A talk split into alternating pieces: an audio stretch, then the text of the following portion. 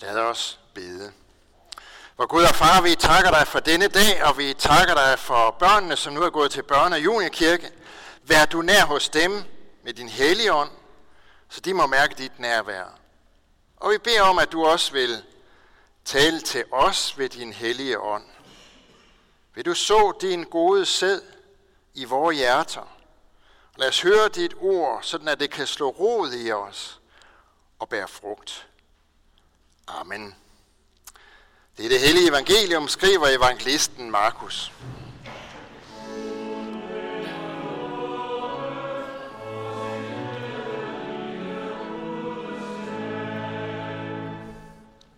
Jesus gav sig igen til at undervise nede ved søen, og en meget stor skare flokkedes om ham, så han måtte gå ombord og sætte sig i en båd ude på søen, mens hele skaren stod på bredden inde på land. Og han lærte dem meget i lignelser, og i sin undervisning sagde han til dem, Hør her, en sædemand gik ud for at så, og da han såede, faldt noget på vejen, og fuglene kom og åd det op. Noget faldt på klippegrund, hvor der ikke var ret meget jord, og det kom straks op, fordi der kun var et tyndt lag jord, og da solen kom højt på himlen, blev det svedet, og det visnede, fordi det ikke havde rod. Noget faldt mellem tisler, og tislerne voksede op og kvalte det, så det ikke gav udbytte. Men noget faldt i god jord og gav udbytte. Det voksede op og groede, og noget bare 30, og noget 60, og noget 100 folk. Og han sagde, den der har ører at høre med, skal høre. Da han blev alene med sin ledsager, og de 12 spurgte de ham om lignelserne. Og han sagde til dem, til jer er Guds riges hemmelighed givet, men til dem udenfor kommer alt i lignelser. For at de skal se og se, men intet forstå. De skal høre og høre, men intet fatte. For at de ikke skal vende om og få tilgivelse. Og han sagde til dem, forstår I ikke denne lignelse? Hvordan skal I så kunne forstå de andre lignelser? Sædemanden sår ordet. Med dem på vejen, hvor ordet sås, er det sådan, at når de har hørt det, kommer Satan straks og tager det ord bort, der er sået i dem. De, der bliver sået på klippegrund, er dem, der straks tager imod ordet med glæde, når de har hørt det. Men de har ikke rod i sig. De holder kun ud en tid. Så når der kommer trængsler eller forfølgelser på grund af ordet, falder de straks fra. Andre er dem, der bliver sået mellem tislerne. Det er dem, som har hørt ordet, men denne verdens bekymringer og rigdommens blændværk og lyst til alt muligt andet kommer til at kvæle ordet, så det ikke bærer frugt. Men de, der bliver sået i den gode jord, det er dem, der hører ordet og tager imod det og bærer frugt 30 og 60 og 100 folk. Amen.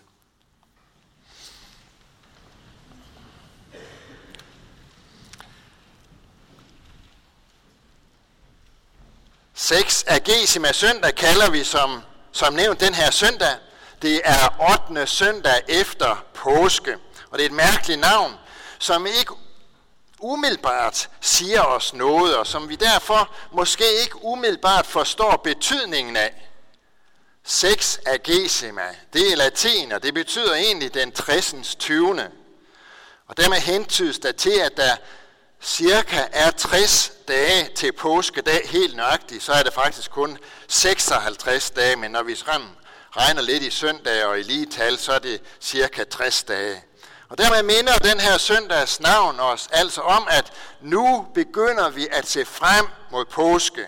Nu ser vi frem mod opstandelsen, mod glædesbudskabet og mod den betydning, det har for os. Men det forstår vi jo ikke nødvendigvis, når vi hører ordet eller navnet sex af Gesema. Hvis ikke vi har hørt den her forklaring før, så siger det ord os jo ikke noget. Så trænger budskabet ikke igennem til os. Og på den måde kan man sige, at øh, søndagens navn passer egentlig ganske godt til det, som er den her søndags tekst, hvor Jesus han taler om, at man, man kan godt høre, uden rigtigt at høre. Og han opfordrer os til at give agt på det, som vi hører, og tage budskabet til os, og lade det få betydning for os. Men hvor han også advarer os om, at sådan går det ikke altid. Fokus ligger altså på det at, at høre. Det er det, der er sagen i Jesu lignelse om sædmanden om, hvordan det går siden. Jesus han var i færd med at undervise ned ved søen, og en stor skare flokkedes om ham, som det tit var tilfældet, der hvor han opholdt sig. Efterhånden, så er det vel gået sådan, at det er blevet lidt svært at skaffe sig ørenlyd, måske fordi der har været sådan lidt snakken i flokken der, de er måske endda trængt lidt længere ind på ham, for alle vil gerne høre, og det kunne være lidt svært øh, at, at høre, hvad der blev sagt. Derfor går Jesus ombord i en båd, han ligger et stykke fra land. Og det virker måske heller ikke umiddelbart indlysende for os, hvorfor han gør det, men i grunden, så er det ret genialt, det som han gør. Fordi enhver, som har stået på en strand, hvor vandet det sådan er helt blikstille, ved også, at vandet bærer lyden ind til land. Det virker nærmest som en højtaler. Hvis der ligger en, en båd et stykke ude, og vandet det er sådan helt blikstille, så kan man nærmest høre, hvad der bliver sagt i båden, selvom de bare står og snakker helt almindeligt sammen derude. Så når Jesus går ombord i en båd og lægger et stykke fra land, så vidner det om hans store pædagogiske evner. For det betyder, at nu kan alle pludselig høre, hvad det er, han siger. Og så fortæller han dem lignelsen om sædemanden, der gik ud for at så. Og øh, senere, da han så er blevet alene med sin ledsager og sin disciple, så giver han dem også forklaringen på lignelsen og gør klart, at sæden, det er altså et billede på ordet, på Guds ord. Det ord, som Gud har talt til os, og som vi har fået overleveret i Bibelen. Ja, ja, der er så nogen, der siger i dag, men hør nu her, det er jo ikke, det er jo ikke Guds ord, vi har i Bibelen. Det er jo menneskers ord, vi har her. Det er jo menneskers tanker om Gud, og om det at tro og leve livet og være mennesker og alt det her. Det er jo de ord, som vi har i Bibelen. Lad os bare prøve at følge den tanke til ende, at det ord, som vi har i Bibelen, det er menneskers, det kun er menneskers tanker om Gud. Fordi hvad er det så egentlig, der gør, at vi skal tro på det, og at det ord, som vi har her i, kan være grundlag for vores tro. Hvad er det så egentlig, der gør, at der er forskel på de her ord, og så de ord, som jeg står og siger nu?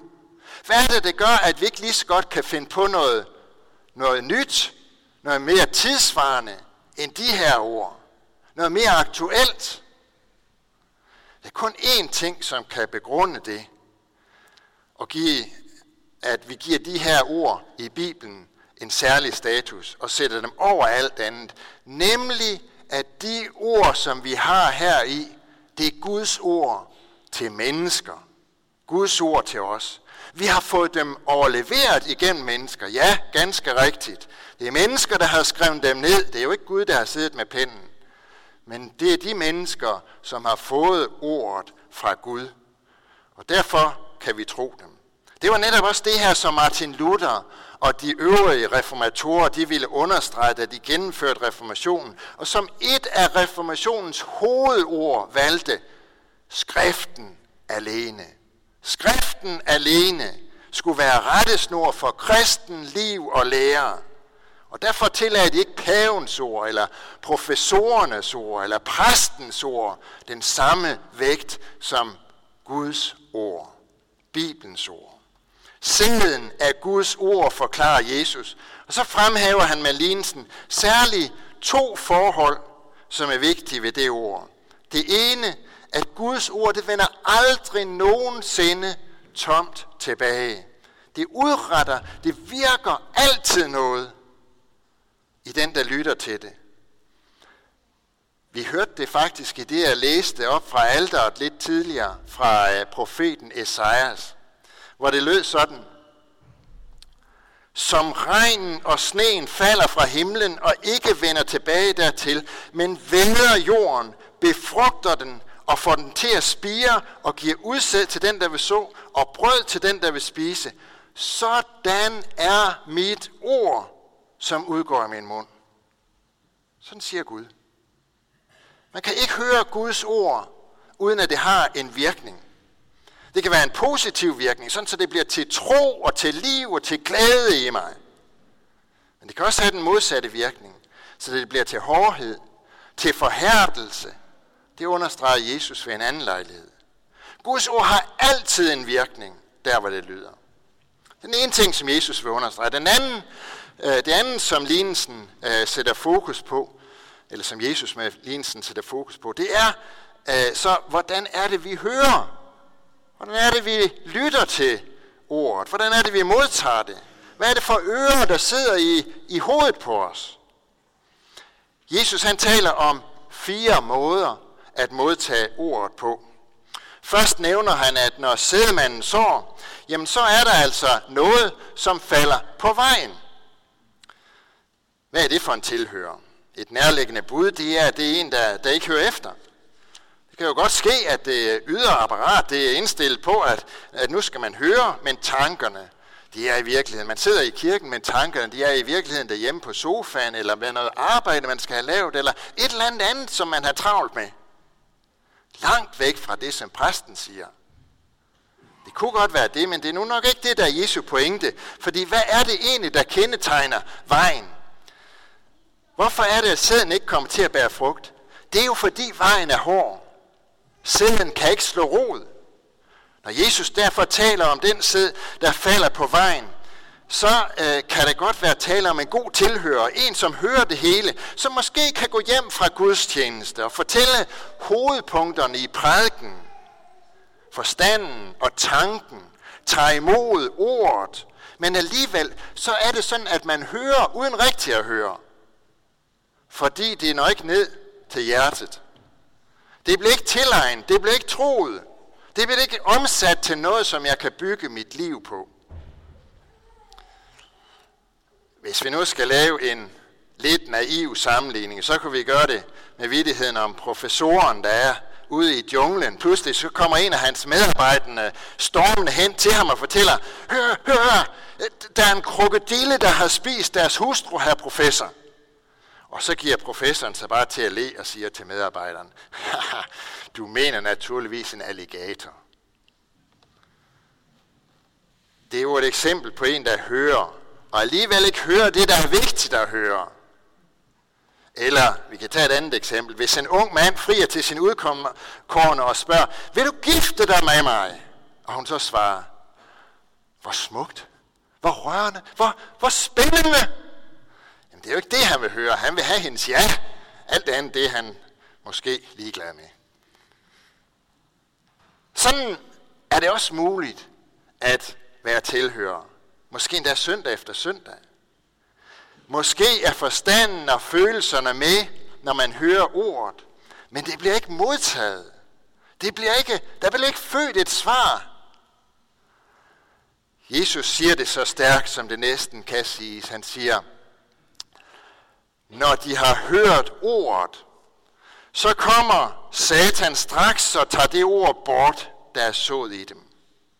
For en ydre betragtning, så er det meget, kan man sige det sådan, så er det meget, faktisk meget udramatisk at gå i kirke og sætte sig på en kirkebænk søndag formiddag, lytte og så gå hjem igen og betragte det som en oplevelse. Men Jesus han beskriver det faktisk på en helt, helt anden måde. Han beskriver det meget mere dramatisk. Fordi det han siger, det er jo, at når vi hører ord, når vi sidder her en søndag formiddag og lytter til hans ord, så er det, der foregår, det er faktisk en åndskamp mellem Gud og Satan. Når vi hører ordet, så sår Gud nemlig noget i os, som kan få evighedsbetydning for os. Men den onde ønsker for alt i verden, at det ikke skal gå sådan. Det er ikke for ingenting, at man siger, at Satan han er den flittigste kirkegænger, for han er her hver eneste søndag. Derfor er det heller ikke uden grund, eller bare af gammel fromhed, at vi begynder prædiken med at bede en bøn om, at Gud vil være her, og at han ved sin ånd vil tale til os. At sætte sig på en kirkebænk, det udløser en åndskamp. Vi behøver slet ikke at, at, at fløte med det okulte, eller noget i den stil. Jesus han taler også om noget, som falder på, som faldt på klippegrund. Det er overfladeskæden, som han dermed sigter til. På overfladen der er der lidt jord, hvor sæden den kan spire, men der er ikke ret langt ned til den hårde klippegrund. Guds ord, det bliver modtaget med glæde, med, med begejstring, men kun til en vis grænse. For ikke ret langt nede, der ligger der nogle helt bestemte holdninger og tolkninger, som man ikke er interesseret i, at der bliver lavet om på. Man vil nemlig kun høre ordet på en bestemt måde, fordi man skulle jo nødigt blive for fanatisk. Man vil godt høre Jesu, Jesu ord, men kun det, som passer ind i mit eget verdensbillede og mit eget livssyn. Man vil godt acceptere Jesus som lærer, som livstolker, men ikke som frelser og stedfortræder for mig. For så ringe står det vel heller ikke til. Jeg vil godt acceptere Jesus som kærligheden forkynder og talsmand, men ikke som alles herre og dommer. Jeg vil godt høre om Gud som den, der betingelsesløst elsker verden, men ikke om Gud, som også er hellig, og som ligefrem beskrives som en fortærende ild mod alt ondt. Man vil godt høre, at jeg skal elske min næste, men når Jesu ord bliver konkrete og strider mod mine personlige interesser, og forbundet med omkostninger måske endda, så stopper lejen. Jesu ord bliver i første omgang modtaget med begejstring, men når det fordyber betydning for troen og livet, så møder det en klippe af fastlåste holdninger, som der ikke kan rokkes ved hertil og ikke længere. Hvis tilbuddet om betingelsesløs kærlighed er forbundet med et betingelsesløst kald til efterfølgelse, så bliver der sagt stop. Sådan kan man også høre Guds ord. Og resultatet bliver lige så mangelfuldt, som der, hvor ordet slet ikke fik slået rod. Jesus nævner også, at noget faldt blandt tisler, og gør klart, at det er dem, som har hørt ordet, men denne verdens bekymringer og rigdommens blændværk og lyst til alt muligt andet kommer til og kvæler ordet, så det ikke bærer frugt. Må ikke han dermed sigter til holdningen, jeg vil leve mit eget liv. Guds ord bliver modtaget og troet, og det bliver også omsat til handling i forhold til Gud og mennesker. Det er en, som tager Guds ord alvorligt og også lader det få personlige konsekvenser. Men så sker der noget. Så sker der det, at man bliver optaget af de jordiske gørmål, de jordiske mål, og troen bliver langsomt kvalt af disse ting. Frafaldet det sker langsomt og snigende, helt umærkeligt, ligesom når tislerne vokser op sammen med den gode sæd, gode sæd og langsomt, men sikkert tager magten og kvæler den gode sæd. Hvis vi skal gøre det helt konkret, så sker der det, at ugen seks dage kvæler det, man hører om søndagen. Man sidder måske stadig på kirkebænken, men det, som man egentlig bygger sit liv på og klynger sig til og har som grundlag i sit liv, det er de jordiske goder. Familie, venner, penge, arbejde, karriere, eller hvad det er, man kan tænke sig i den retning. Heldigvis, siger Jesus, er der også noget, som falder i god jord. Guds ord vender ikke tomt tilbage. Det udretter altid noget. Måske går meget af det til spille, fordi det møder forskellige former for afvisning. Men det sker også, at det når frem, og at det modtages og bærer frugt, endda en overordentlig, imponerende frugt. Og så bliver øh, spørgsmålet jo for os, hvordan bliver jeg sådan en tilhører? Han kommer, kommer ord til at bære frugt i mig. Se, teksten, den viser os to ting. Den siger os to ting. Den siger for det første, at din tro, det er Guds sågerning i dig. Din tro, det er Guds gerning i dig. Hvis du skal bære frugt, så sker det kun ved, at en magt udefra, nemlig Guds virkende ord, forplanter sig i dig. For det andet, så sker det ikke uden, at du er med i den proces. Og det vigtigste, som vi kan gøre, det er at være gode til at lytte. Når vi sidder her på kirkebænken, eller derhjemme læser i Bibelen, eller hvordan det nu er, så kommer vi ind i et gud, guddommeligt kraftfelt, hvor vi bliver genstand for Guds ords virkekraft. Sådan er det faktisk. For Guds ord, det er en kraft. Det er en kraft til frelse. Guds ord er ikke bare lyd eller bogstaver eller tilfældige ord, som en præst siger. Det er en kraft, som kan flytte mennesker fra død til liv. Nøjagtigt, ligesom det skete med Valborg Villas hernede ved døbefonden for lidt siden, hvor Guds ord sammen med vandet flyttede dem fra død til liv og gjorde dem til Guds børn. Det er en kraft, som kan flytte mennesker fra verden til Guds rige. Og derfor gælder det om, at vi lader det ord få grobund hos os, og beder om, at budskabet om Jesus Kristus og det, som han har gjort for os til frelse, må finde den gode jord, så det kan gro og så det kan vokse og bære god frugt. Så ender det nemlig med frelse, med salighed hjemme hos Gud. Og det er det, der er meningen, når Guds ord lyder til os. Amen. Lad os bede. Vi lover og priser og takker dig, hvor Gud, Far, Søn og Helligånd, du som var, er og bliver en sand i Gud, højlovet fra første begyndelse nu og i al evighed. Vi takker dig for dit ord til os, for din kirke på jorden, og vi beder for din menighed her ved Herning Kirke. Lad ordet bære frugt, bevare os i troen på dig og forny os i håbet om dit komme. Vi beder for alle, som har et ansvar inden for vores kirke, for menighedsråd, provst og biskop, led dem og os alle, så vi handler i troskab mod dit ord og vores kirkes bekendelse. Vi beder, kald og dan du der tro tjenere og forkynder af dit ord. Vi beder for alle, der går med dit ord, både her hjemme og i det fremmede. Styrk du dem. Hold din hånd over dem.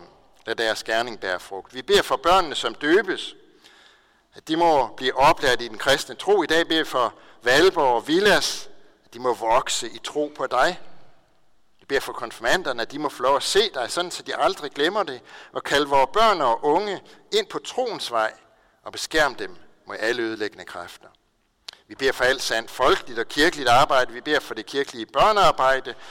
Udrust du lederne, og velsign du det. Vi beder for vores hjem og vores kære.